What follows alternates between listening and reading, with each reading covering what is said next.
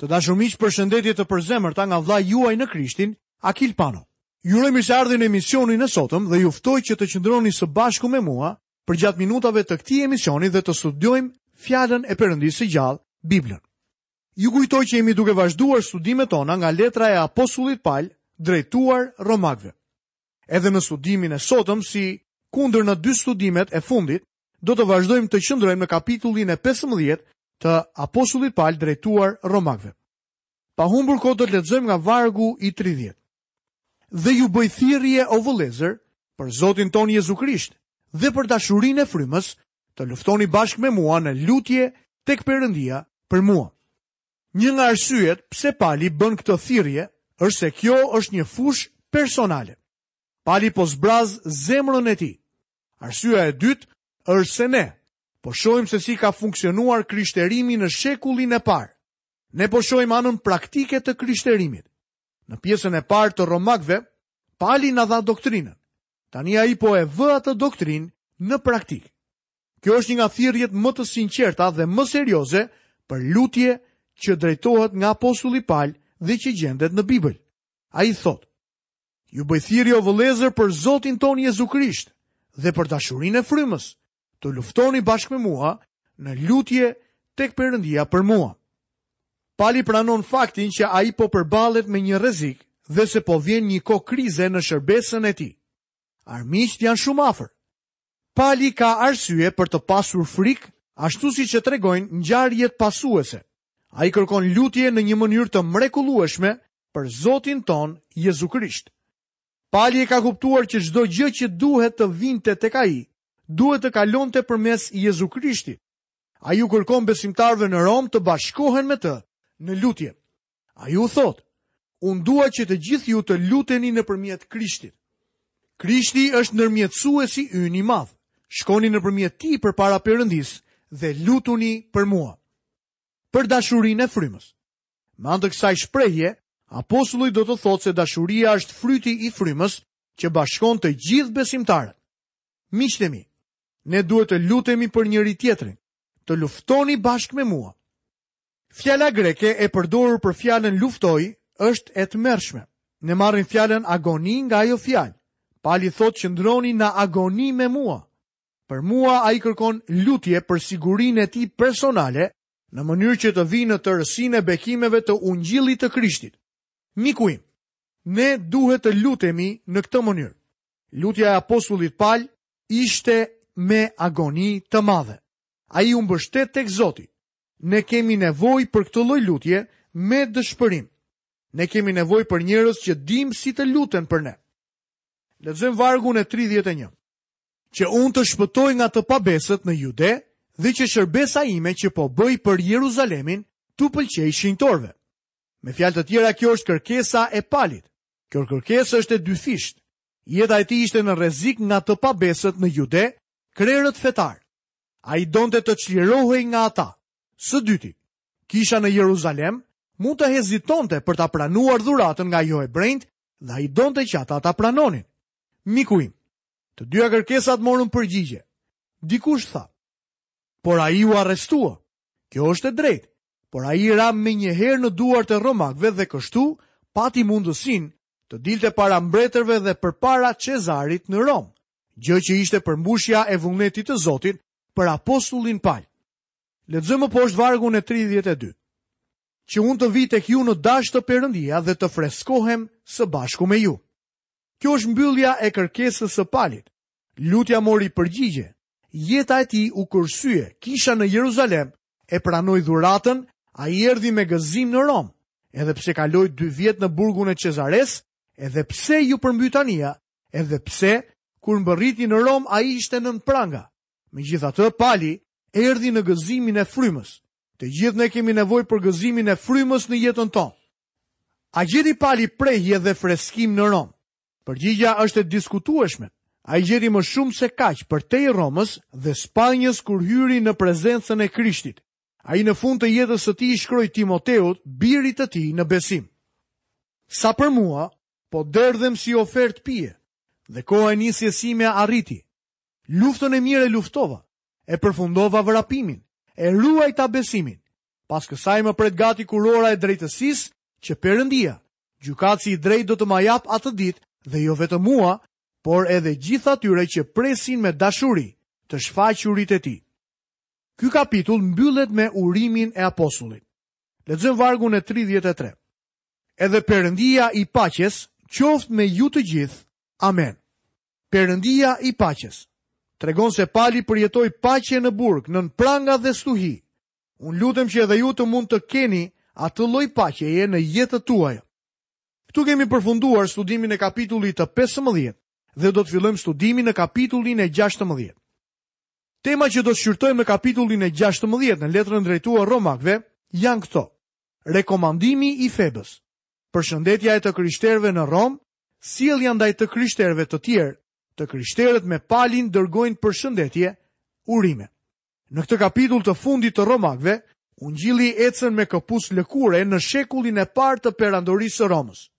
Zemra më ngazëllohet kur mendoj se në Perandorinë Romake kishte të krishterë që dëshmonin për Krishtin.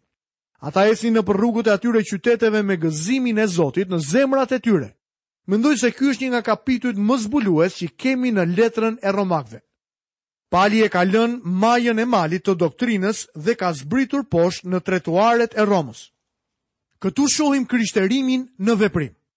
Doktrina e madhe që shpalli Pali nuk është raketë për në hapësirë. Ajo ishte automjet që ecte në rrugët romake. Ungjilli u përkthye në jetë dhe realitet. Ky kapitull i mrekullueshëm nuk duhet të lihet jashtë apo të neglizhohet nga studimet e këtij libri.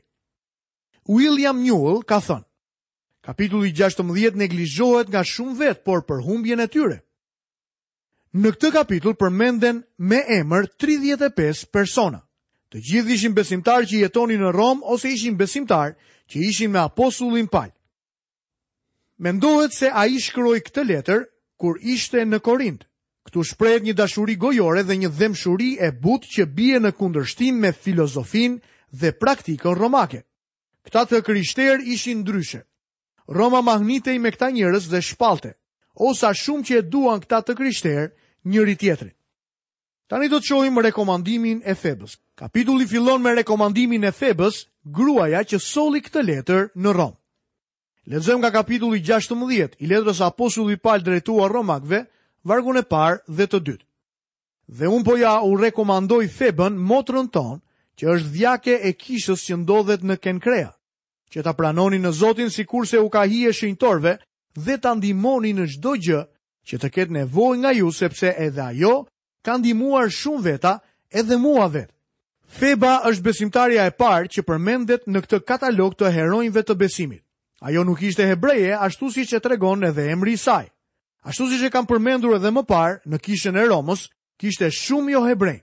Ajo kishte marrë emrin e perëndeshës greke Artemisës ose Dianës, që në mitologjinë greke ishte perëndesha e hënës dhe vëllai i saj Apollo ishte perëndia i diellit. Shumë besimtarë pas pagëzimit morën emra të rinj, por Feba mbajti emrin e saj pagan për disa arsye. Feba ishte mbartësja e letrës së romakëve. Me sa duket, ajo duhet të ketë qenë një grua shumë e rëndësishme në kishë, që do të thotë se ishte shumë e aftë. Ajo është quajtur dhjake e kishës që ndodhet në Kenkrea. Kenkrea është porti detar lindor i Korintit. Kur ndodhesha në rrënojat e qytetit të lashtë të Korintit, që atje arrija të shihja edhe Kenkrenë. Në atë kohë, ai qytet dukej sikur ishte më afër se 10 kilometra. Pali e shkroi këtë letër ndërkohë që ishte ende në Korint. Feba e cila duhet të ketë qenë atje për ndonjë punë, e mori letrën me vete në Romë. Fjala greke diakonos është fjala dhjak. Kjo fjalë zbulon faktin se ajo grua kishte një vend të rëndësishëm në kishën e hershme. Nuk mendoj se gratë duhet të jenë pastore në kishë. Unë mendoj se ato duhet të kenë pozitën e dhjakut dhe se duhet të ulen në një tryezë bashkë me anëtarët e tjerë të bordit të kishës. Kisha ka nevojë për mprehtësinë dhe ndjeshmërinë që gratë zotërojnë. Zoti e ka bërë gruan shumë më të mirë nga burri. Ashtu siç një orë është më e mirë se një makinë. Ajo ka një sens ndjeshmërie që burri nuk e ka. Për një moment ajo mund të shikojë një grua që është komplet e panjohur dhe në 5 minuta Ajo mund të marrë vesh shumë gjëra për të vetëm nga veshja e saj apo mënyra se si sillet. Ne burrat e racës njerëzore në rrethana të njëjta mund të dukemi të marrë. Ne mund të vëmë re nëse ajo është e bukur apo jo, por kaq është shtrirja e vëzhgimit tonë. Kisha ka nevojë për mprehtësinë e gruas. Pali ia besoi Febës këtë letër, në vend që ta dërgonte me anë të transportit publik. Roma në atë kohë kishte postë, por ajo ishte e ngadaltë. Pali po kthehej në Jeruzalem, ndërsa Feba po e sjell letrën e tij me vete për në Romë. Dhe unë po jua rekomandoj Febën, motrën tonë. Pali ua rekomandon atë besimtarëve të Romës. Ajo është gruaja e parë që përmendet në këtë kapitull të fundit. Tani Pali i dërgon përshëndetjet e tij shumë njerëzve. Lexojmë vargjet 3 dhe 4. U bëni të fala Prishilës dhe Akuilës, bashkëpunëtorëve të mi në Krishtin Jezus, të cilët për jetën time vunë kokën në rrezik. Ata i falënderoj jo vetëm unë, por të gjitha kishat e johebrenjve. Në këtë kohë kishte johebrenj dhe besoj se kisha në Romë ishte e përbërë nga johebrenj dhe nga njerëz të racave të ndryshme. Ajo sigurisht që ishte e bashkuar. Prishila dhe Akuila janë një çift judenjsh. Por si i kishte takuar Pali ata dhe në çfarë mënyre kishin qenë ata ndihmës për të? Në qytetin e Romës kishte ardhur një dallgë antisemitizmi dhe Prishilës dhe Akuilës iu desh të largoheshin. Ata erdhën në qytetin e Korintit, ndërkohë që Pali ishte atje dhe po ngrinte një dyqan.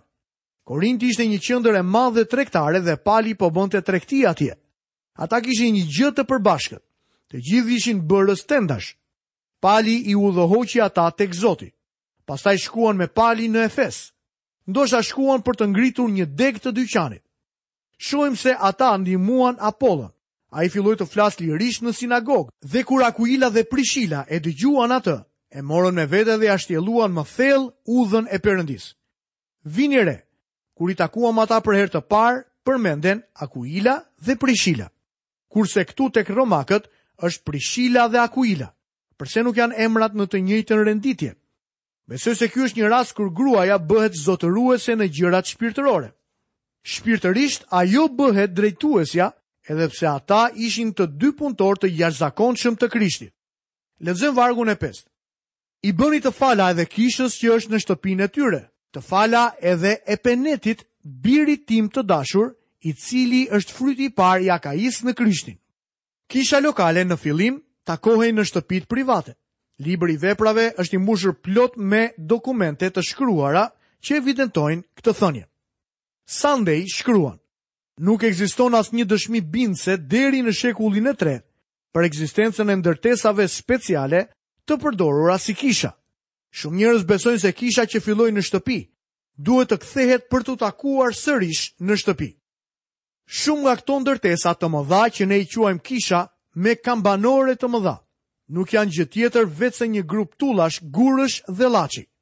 Ato janë mauzoleume dhe jo kisha të gjalla që përbëhen nga trupa të gjallë besimtarësh. Kisha nuk duhet të presupozojë një ndërtesë. Për tre shekujt e parë, kisha ishte trupi i besimtarëve që takoheshin në shtëpitë e njerëzve si për shembull në shtëpinë e Akuilës dhe Prishilës. Epeneti është një emër grek që do të thotë i lavdëruar. Me sa duket, ai ishte i kthyeri i parë i Palit në provincën romake të Akaisë. Lexojmë vargun e 6. Të fala Marisë e cila u mundua shumë për ne. Maria është një emër jude, si Mirjami që do të thotë rebelim.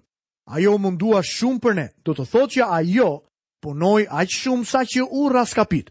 Çfarë ndryshimi kishte ndodhur në jetën e kësaj gruaje? Para se të bëhej besimtare, ajo ishte në rebelim, por tani ajo e lodh veten e saj për hir të besimtarëve të tjerë, sepse është e bindur ndaj Krishtit. Lexojmë vargun e 7. Të fala Andronikut dhe Juniës, kushërinj të mi dhe shokë burgu të cilët janë dalluar midis apostujve dhe kanë qenë në Krishtin përpara me. Androniku është një emër grek dhe ky emër identifikohet me atë të një skllavi. Junia është një emër romak dhe mund të jetë ose femër ose mashkull, por Pali i quan ata kushërinjtë e tij. Gjë që do të thotë se ata mund të ishin nga fisi i Benjaminit, ashtu si Pali. Jo domosdoshmërisht mund të jenë kushërinj të afërt gjaku. Pali thotë se ata ishin shokët e tij të burgut. Me sa duket, Pali i kishte takuar ata në një nga burgjet e panumërta të perandorisë romake. Këta të dy njiheshin mirë nga apostujt dhe respektoheshin prej tyre. Ata nuk e kishin njohur Krishtin nëpërmjet Palit, sepse ata ishin shpëtuar përpara tij. Kisha në Romë u themelua nga Pali nën rrethanat më të pazakonta. Ai takoi Akuilën dhe Prishilën në pazarin e Korintit dhe pastaj këta dy njerëz në burg. Këta shkuan në Romë dhe formuan kishën atje. Lexojmë vargun 8 dhe 9. Të fala Ampliut, të dashurit tim në Zotin. Të fala Urbanit, bashkëpunëtorit tonë në Krishtin dhe Stakit tim të dashur. Ampliu është një emër i zakontë skllavi dhe shfaqet në varret e të krishterëve të hershëm në vendet e nderit. Ai me sa duket ishte kthyer në Krishtin nëpërmjet Palit dhe ishte shumë i dashur në zemrën e tij. Urbani do të thotë i rritur në qytet, Ky ishte gjithashtu një emër skllavi dhe mund të thotë se ishte rritur më shumë në qytet se sa në fshat. Ai identifikohet si punëtor i vërtetë midis besimtarëve. Staki përmendet gjithashtu në listën e familjes mbretërore.